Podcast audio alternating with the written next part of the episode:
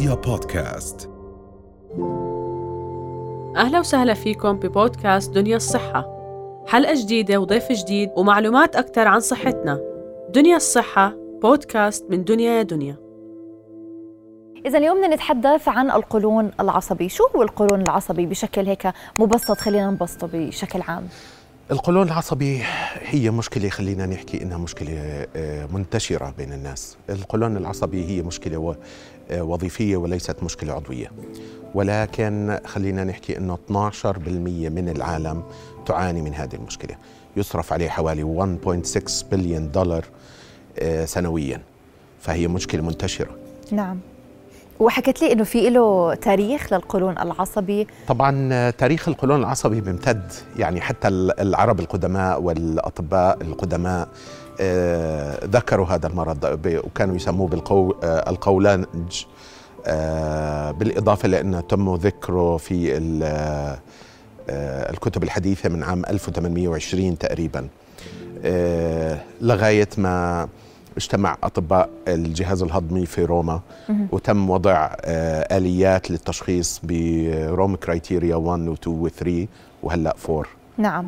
طيب آه، دكتور يعني بما أنه آه، قديم هذا المرض ويمكن في كثير أشخاص بيعانوا منه بدنا نتحدث عن الأعراض. يعني في أشخاص بيقول لك بصير في عندهم مجموعة من الأعراض بيقوموا بشخصوا حالهم من حالهم بدون ما يرجعوا لطبيب. بيقولوا هذا قولون عصبي. بمجرد ما حسوا أنه في عندهم أعراض مشابهة للقولون العصبي بيقولوا هذا هو القولون. كيف إحنا ممكن إن نميز هل هذا قولون أو لا؟ ومين الأشخاص المستثنيين كأطباء بتستثنوهم من الإصابة بالقولون العصبي؟ طبعا آه، بالنسبة للتشخيص التشخيص طبعا بدنا نعرف إنه هذا تشخيص تشخيص القولون بيتم نتيجة وجود آلام بالبطن. هذه الآلام يجب أن تكون أو يعاني منها المريض يوم واحد على الأقل في الأسبوع خلال الثلاث أشهر آه، السابقة في آخر ست أشهر من حياته. يعني بدها تتكرر في ثلاث أشهر بهذا الشكل على الأقل خلال الست أشهر الماضية. آه، بالإضافة لواحد من الأعراض المرافقة اللي هو تغير بالبراز تغير بعدد المرات أو تغير بقوام البراز بالإضافة للشعور آه، بالغازات والنفخ آه، طبعا سؤال مهم جدا اللي هو شو الحالات اللي بنستثنيها من القولون؟ طبعا التغير الحديث في الألم آه، بالألم أو تغيرات البراز هذه نستثنيها من تشخيص. يعني ما في تشخيص قولون عصبي بصير معي إنه اليوم أنا ألم أو اليوم تغير عندي البراز أو خلال الأسبوع اللي مضى. آه اثنين للأشخاص الأعمار اللي فوق الخمسين سنه أو اللي ما تم آه، عمل screening أو كشف مبكر لسرطانات القولون آه للناس اللي بيعانوا من حرارة.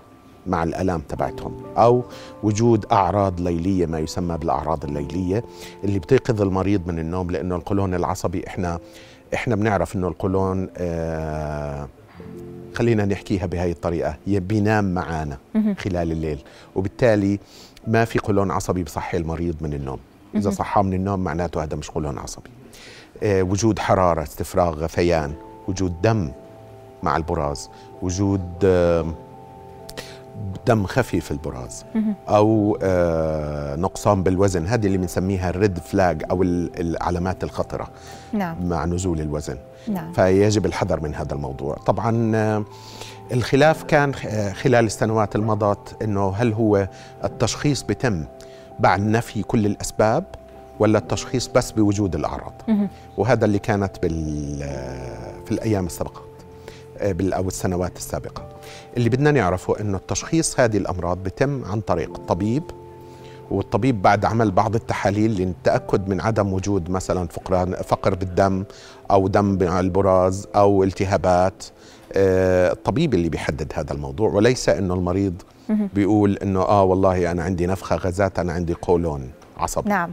نعم. طيب دكتور بدنا نتحدث بشكل سريع أيضا عن آه، العوامل اللي بتأثر للإصابة بالقولون أو أيضا تعمل خلينا نحكي دائما بيقولوا يعني وضعي ثابت ولكن بصير عندي فرضا قلق آه، آكل نوع من أنواع الأكل معين بصير في عندي استثارة للقولون العصبي. خلينا نحكي عن العوامل. العوامل آه، طبعا إحنا بدنا نقسمها لعوامل محيطية وعوامل متعلقة بالغشاء المخاطي للقولون وعوامل متعلقة بداخل القولون أو اللمعة تبعت القولون.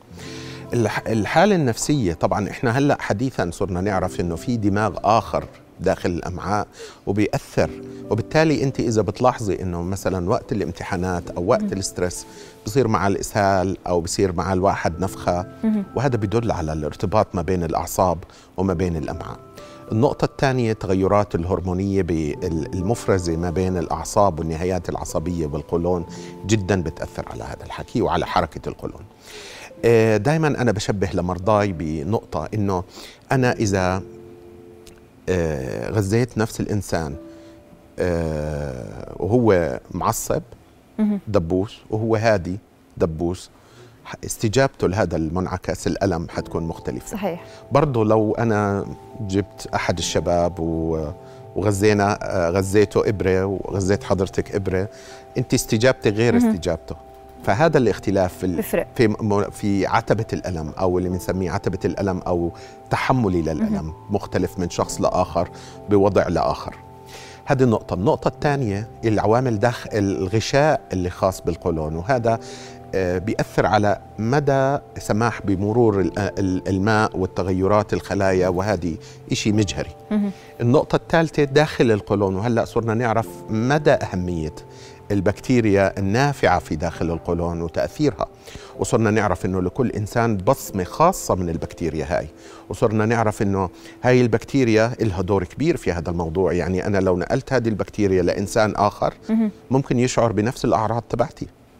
لكن بدنا نعرف إنه هذه الأعراض والقولون العصبي لكل إنسان مختلف سببه عن الثاني وبالتالي إحنا بنجمل في في في العلاج زي ما هلأ إحنا رح نحكي إنه طريقة العلاج تكون شاملة في عدة مراحل وبده الواحد يحدد السبب آه للقولون العصبي حتى يهتم فيه. إحدى الدراسات بينت إنه إعطاء الطبيب خمس دقائق للمريض في خلال الكشف آه، أكثر من 30% ل 40% من المرضى تحسنت حالتهم بس فقط إنه أعطاهم خمسة خمس دقائق زيادة من الوقت يطمنهم ويحكي لهم أكثر عن مرضهم. نعم. طيب آه، دكتور هيك نصيحة سريعة وأخيرة من حضرتك للمرضى المصابين بالقولون العصبي. طبعا بدنا نعرف إنه العلاج ما بيتم عن علاج فقط من ناحية واحدة إعطاء دواء وروح لا. هي تغيير بحالة النفسية تغيير تغيير تغيير بال lifestyle أو طريقة العيش من ناحية الأكل من ناحية الحياة.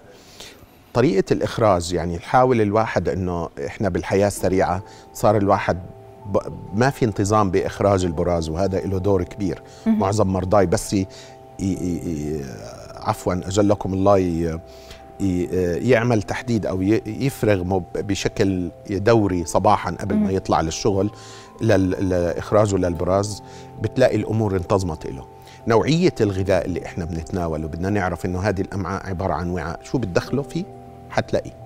وبالتالي هذه المأكولات الجاهزة والسريعة أو اللي معرضة للمواد الحافظة لها دور كبير. نعم. بدنا نعرف أنه في بعض الأوقات أعراض القولون العصبي بتيجي بعد إصابات فيروسية أو بكتيرية وتستمر لعدة أسابيع وعدة أشهر. وهذه واحد من الأشياء اللي إحنا بنستخدم فيها بكتيريا نافعة أو بعض الأدوية اللي مضادة للتقلصات اللي بنستخدمها أو آه، بعض المواد العشبية مثل البيبرمنت النعناع زيت النعناع و... يعني في كثير مسببات إحنا لازم ننتبه عليها بشكل عام ودائما يعني دائما نصيحة من حضرتك وأكيد نصيحة. طبعا. آه أيضا إحنا دائما ننصحها لجميع المشاهدين بأنه دائما هو الطبيب الفيصل بهذا الموضوع بما يتعلق بالأعراض اللي بنحسها. فهم يعني الأجدر بأنهم يشخصوا وإحنا ما نشخص على كيفنا بالأعراض اللي بتصيبنا اذا شكرا لوجودك معنا دكتور محمد صلاح استشاري باطني وجهاز هضمي وكبد ومناظير. أهلا وسهلا. أهلا وسهلا.